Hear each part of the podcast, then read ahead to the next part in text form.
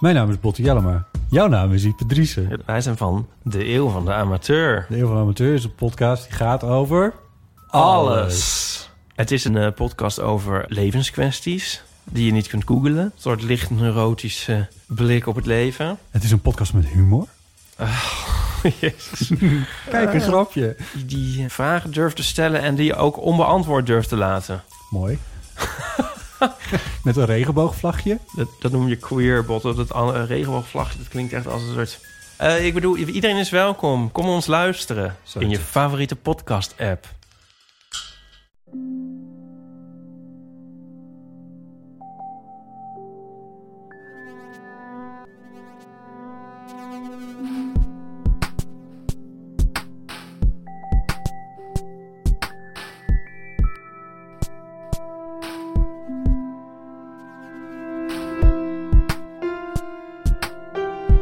Ik ben Pieter van Relaas.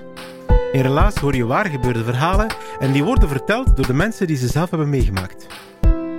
Rick, onze verteller van vandaag, die heeft het gehad met stomme Instagram quotes. En zeg nu zelf wie niet eigenlijk, hè? Het nieuwe inspirerende reisquotes woordenboek krijg je nu volgens Rick. Hier komt het.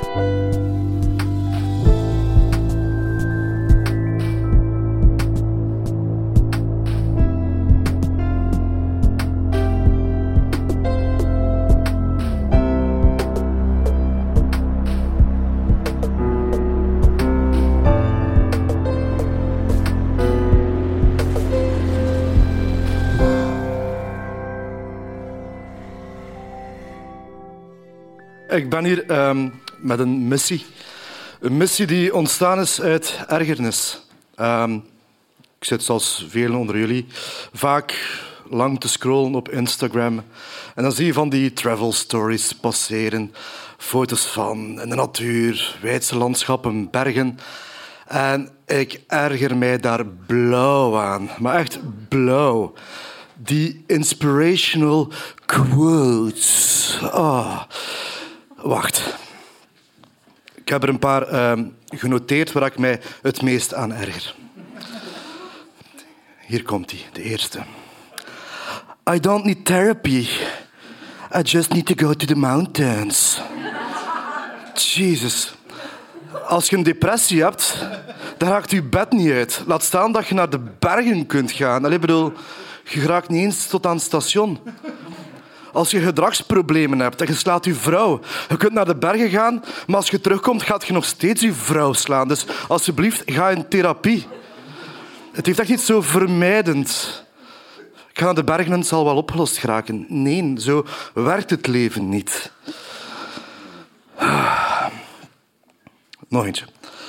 The best view comes after the hardest climb. Zo paternalistisch en zo oerkatholiek. De aarde als tranendal, noeste arbeid en eens je de top, de hemel bereikt. Halleluja. Nee, hè? Echt. Ehm, eentje van Edmund Hillary, de eerste man op Everest. Dat is toch iemand van de zou denken. He knows his shit. Ja? Maar ook daar hetzelfde probleem. Hè? It's not the mountain we conquer, but ourselves. Wat een esoterische bullshit, zeg. Echt. Maar degene waar ik me het meest aan erger is de deze. Echt waar. Echt, past op. Get lost in nature and you will find yourself. Eerst en vooral zo narcistisch. You will find yourself. Nee, nee. Get lost in nature and you fucking die. Weet je? Dus ik heb iets met die quotes. Dit, dit kan en moet eh, beter. Eh, al die quotes hebben gemeenschappelijk dat je eigenlijk in de bergen daar niks mee bent. Ja? Dus ik zou graag in alle nederigheid en dienstbaarheid drie suggesties doen van inspirational quotes waar je wel iets mee bent in de bergen. En ik ga die eh, quotes ophangen aan een eh, reis die ik een paar jaar geleden heb gemaakt samen met eh, drie vrienden die ik al kende van een cursus ehm, alpine technieken. Dus eh, klimmen ehm, op ijs, sneeuw, rots, dus met touwen en zo verder. En we hadden samen een cursus gedaan. En ze hadden al heel het jaar best spectaculaire toppen al gedaan en zij vroegen mij mee voor de Mont Blanc. Toch wel een beetje een jongensdroom van mij, de Mont Blanc. Iconische berg, 4807 meter hoog. Het zou mijn eerste 4000er worden. Dus ik even vijf seconden toch nuchter nagedacht van... Die gaan dat zonder gids doen, maar hadden eigenlijk voldoende ervaring al opgebouwd. Dus ik kon mijn karken daar zeker aanhangen. En eigenlijk, als je kijkt naar de moeilijkheidsgraad, dus je hebt ehm, een soort systeem van uh, gradatie. Het begint bij makkelijk, facile. En dan heb je peu difficile, uh, assez difficile, difficile, très difficile. En de Mont Blanc is PD, dus niet pedo, dat is pedoseksueel, maar PD, uh, peu um, difficile. Dus, allez, een beetje moeilijk. Hoe moeilijk kan dat zijn? Ja? Enfin. Um, wij beginnen aan die klim en op uh, 3100 meter dat heb je uh, Tijdrus, heet dat plekje. En dan moet je 700 meter naar boven klauteren. Het is geen steile rotswand, maar het is wel prutsen en vroeten. Uh, tot ehm, de Aiguille du Côté, dus op 3800 ehm, meter. En dat is technisch niet zo moeilijk, maar er is één zone die heel gevaarlijk is. Een strook van, van 50 meter, die eigenlijk de bodem is van een gigantische trechter waar er allemaal stenen in vallen, uh, van kiezeltjes tot uh, halve koelkasten, uh, die gewoon naar beneden rollen. Maar een valversnelling, je kent dat misschien wel, van 700 meter, Um, it, can be pretty bad. Ja? En de cijfers wijzen dat ook uit. Um, ik heb het even opgezocht. Er was een concreet onderzoek. Um, tussen 1990 en 2011 zijn daar 74 mensen omgekomen en ongeveer 180 gewond. Dus het gaat over een simpel strookje van uh, 50 meter. Ja? Um, en hoe ga je daar door? Ja, je luistert gewoon of dat je niks hoort afkomen. Het is als bij een regenbui. Ja, het is bijna gedaan met druppelen. Kom, ja, rap naar buiten en naar de winkel en snel terug voordat de volgende bij begint. Het is een beetje gelijkaardig. Dus wij beginnen daaraan. En uh, ik stond de achterste in de rij. En het is eigenlijk zo'n tempo dat je daar doorstapt als van Ela, niet lopen in de hang tussen Ela, niet treuzelen. Dus het is zo'n beetje daartussenin. En wij stappen daar door en bijna aan die overkant van die trechter, de eerste uh, drie waren er al, en plots zie ik tussen mijn borstkas en de rug van mijn voorhanger, ongeveer een meter en een half, niks te maken met corona, maar gewoon die afstand doen, zie ik daar een kasseiblok, geruisloos,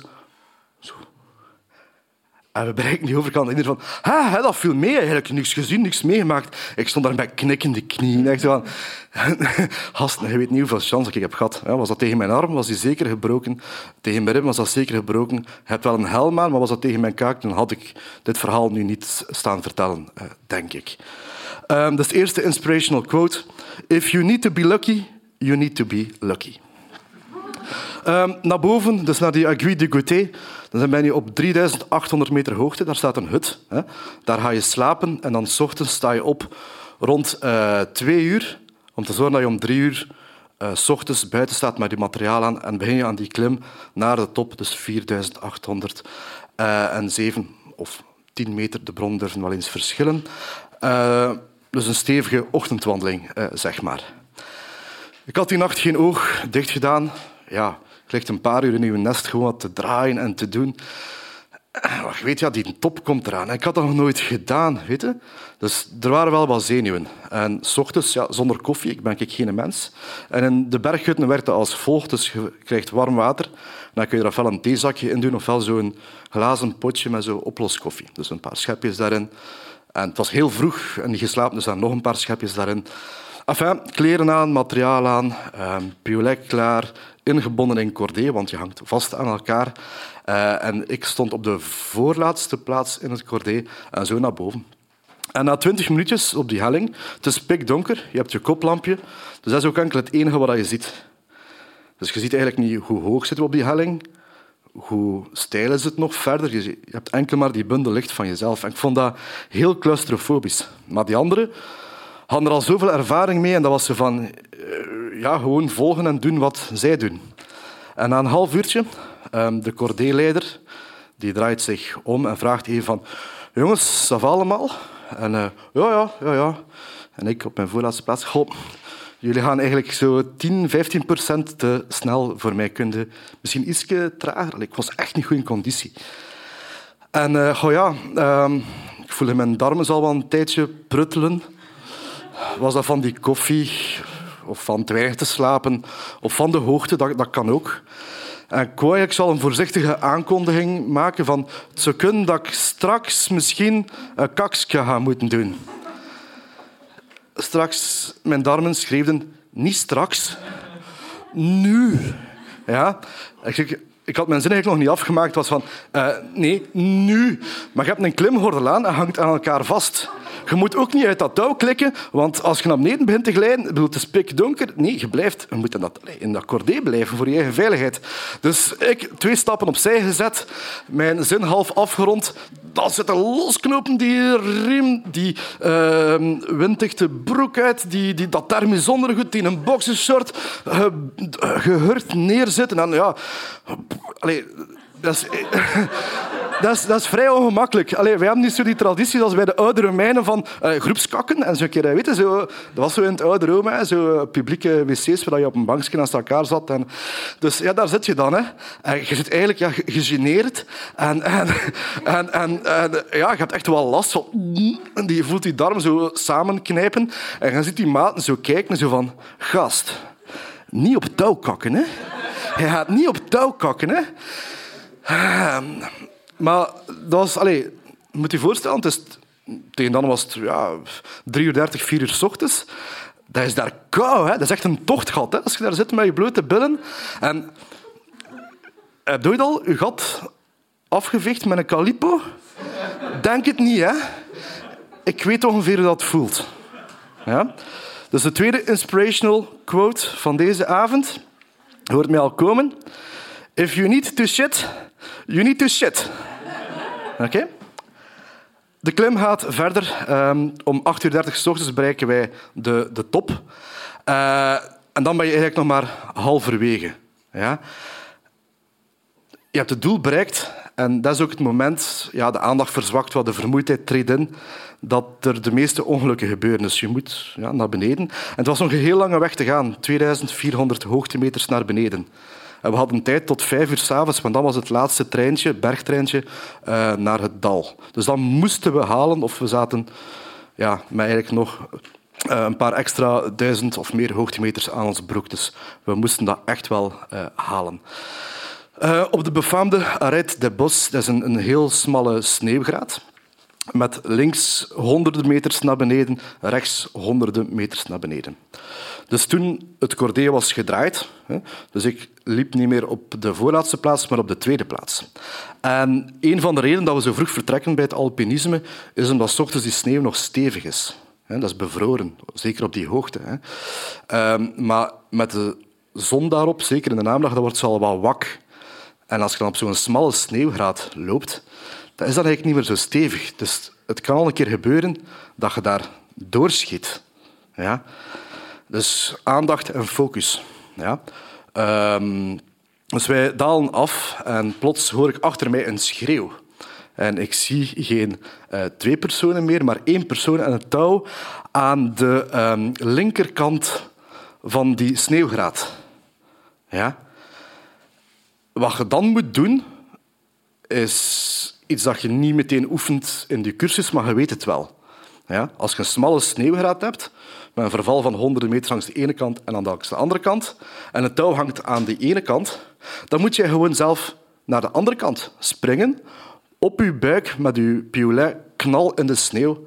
En ja, dan heb je eigenlijk een soort ja, natuurlijk hangend ding, waardoor je niemand naar links of naar rechts kan verder vallen. Dus we horen die schreeuw en ik zie maar één iemand achter mij in plaats van twee. En ik zie die onmiddellijk ook naar uh, links, uh, naar, naar rechts dan springen, naar de andere kant. En ik volg die ook meteen, zonder nadenken. Allee, ik heb eigenlijk hoogtevrees. Het is eigenlijk compleet belachelijk wat ik daar gedaan heb. Maar gewoon instinctief, zonder erover na te denken, je doet dat gewoon. Uh, en op die manier hebben we die val allee, kunnen, kunnen stoppen. En achteraf was het van, wauw, tof. Het is nee, maar tof in de zin van, we hebben samen die opleiding genoten, dus we hebben dezelfde veiligheidsstandaarden en dezelfde protocols qua veiligheid. En dat die in de praktijk dan dus ook wel allez, werken. Dus dat je op elkaar kan vertrouwen, uh, omdat je goed bent opgeleid en dat je weet hoe je zulke situaties moet uh, aanpakken. Uh, val gestopt, een beetje nabeven, verder naar beneden, net dat eh, treintje eh, gehaald. Oef. Je hoort mij komen, de derde inspirational quote. If you need to jump, you need to jump. Ja? Ehm, dus die Mont Blanc, stel dat dat voor nog mensen een, een droom is om te doen, ga daar zeker voor. Eh, volg wel eerst een cursus van minstens een paar dagen. Dat kan met Hitsen, dat kan met de Bergsportfederatie. Um, dat je daar zeker klaar voor bent. Maak ook niet de fout die ik heb gemaakt van uh, niet in conditie te zijn, want dat is echt wel nodig. Het is niet zomaar een lange sneeuwwandeling. Het is echt wel, uh, als je kijkt naar die topdag, dus van twee uur s ochtends tot vijf uur s avonds, dat je actief bezig bent, dat is, dat is, dat is pittig. Um, maar even om te testen, wie weet die eerste quote nog? Niet meteen reactie. Uh, deze zomer geen Mont Blanc voor jullie. In de Blaarmeersen, de skiberg. Dank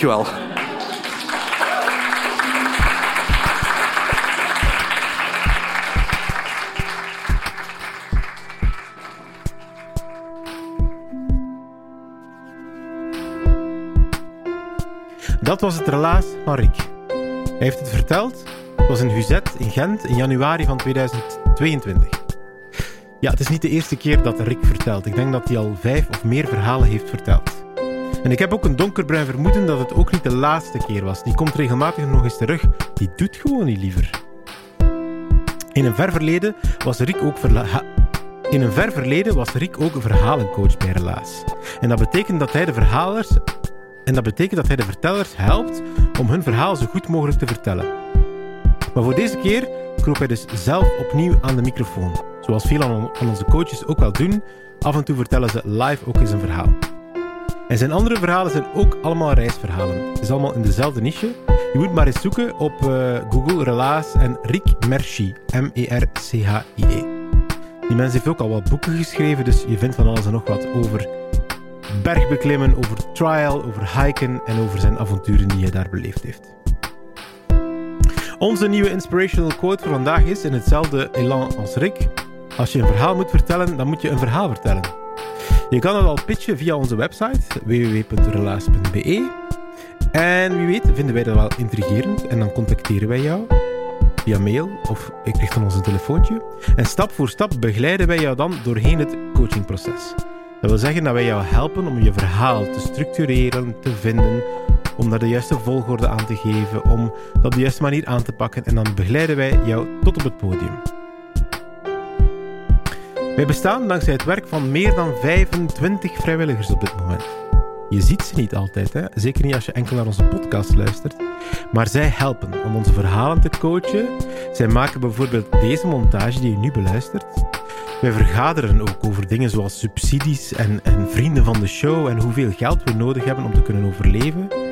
Wij maken ook posts voor Instagram met de juiste hashtags en dan de juiste visuals. En wij zetten vertellers op podia in Gent, Antwerpen en Brugge. Dat is het, misschien wel het belangrijkste. Daarnaast krijgen wij ook subsidies van de afdeling cultuur van de stad Gent en van de Vlaamse gemeenschap. Daardoor kunnen wij in Gent, Antwerpen en Brugge vertelavonden organiseren. En we zijn er ook dankzij jullie, onze luisteraars. Jullie kunnen vriend van de show worden. Dat betekent dat je een kleine bijdrage stort en op die manier verzeker je het voortbestaan van onze podcast. Christine, ik wil jou persoonlijk bedanken, want jij hebt op 4 april ons wat geld toegestopt. Dank je wel daarvoor. En bij deze ben jij onze nieuwe beste vriendin van de show. Weet je ook meteen iets te vertellen als ik bijvoorbeeld vraag naar een specifieke geur uit jouw kindertijd, of jouw eerste kus, of jouw favoriete reisverhaal, of iets dat je ontdekt hebt als je op reis was? Als er nu meteen van alles in jouw hoofd begint om te gaan, wel ja, dan is misschien vertellen bij Relaas echt jouw ding.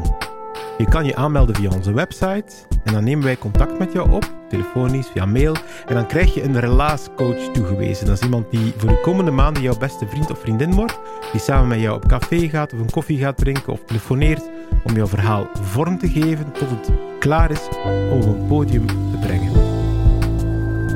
En later misschien ook op onze podcast uit te zenden. Het is echt een aanrader. Er zijn al heel wat mensen die door relaas het plezier van het vertellen hebben opgedaan. Dankjewel om te luisteren en tot de volgende relaas.